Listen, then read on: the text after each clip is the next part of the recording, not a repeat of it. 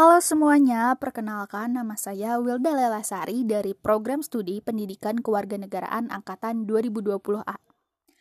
Kali ini saya akan mencoba menjawab pertanyaan yang diberikan oleh rekan saya kepada kelompok 5 Ilmu Kewarganegaraan. Secara garis besar, pertanyaannya yakni terdapat macam-macam masalah kontemporer, yakni salah satunya adalah kemiskinan – yang tentunya ada faktor yang menyebabkan kemiskinan itu terjadi. Lalu, bagaimana solusi agar bisa mengurangi kemiskinan tersebut? Nah, di sini saya akan mencoba menjawab. Menurut saya, seperti yang telah dijelaskan oleh kelompok 5 dalam PowerPoint-nya, bahwa ada beberapa faktor kemiskinan di Indonesia, yakni salah satunya ialah tingkat pendidikan yang masih rendah. Sebelum kita bahas solusinya, tentu kita harus tahu dulu apa itu kemiskinan. Nah, kemiskinan adalah keadaan saat ketidakmampuan untuk memenuhi kebutuhan dasar seperti pangan, sandang, papan, serta kesehatan. Kemiskinan bisa terjadi karena disebabkan oleh kelangkaan alat pemenuh kebutuhan dasar.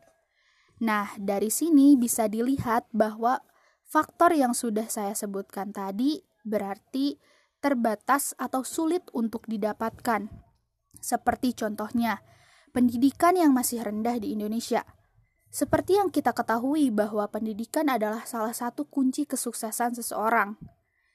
Ketika pendidikan di Indonesia rendah, otomatis skill atau pengetahuan yang diperoleh oleh warga negaranya pun rendah, sehingga sulit untuk mendapatkan pekerjaan yang layak karena kurangnya skill atau keahlian pada seseorang.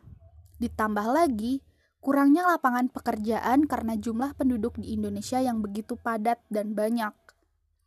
Fenomena ini tentu akan menambah angka kemiskinan karena banyak masyarakat yang menjadi pengangguran. Artinya, dia tidak mendapatkan penghasilan untuk memenuhi kebutuhan pangan, sandang, papan, serta kesehatannya.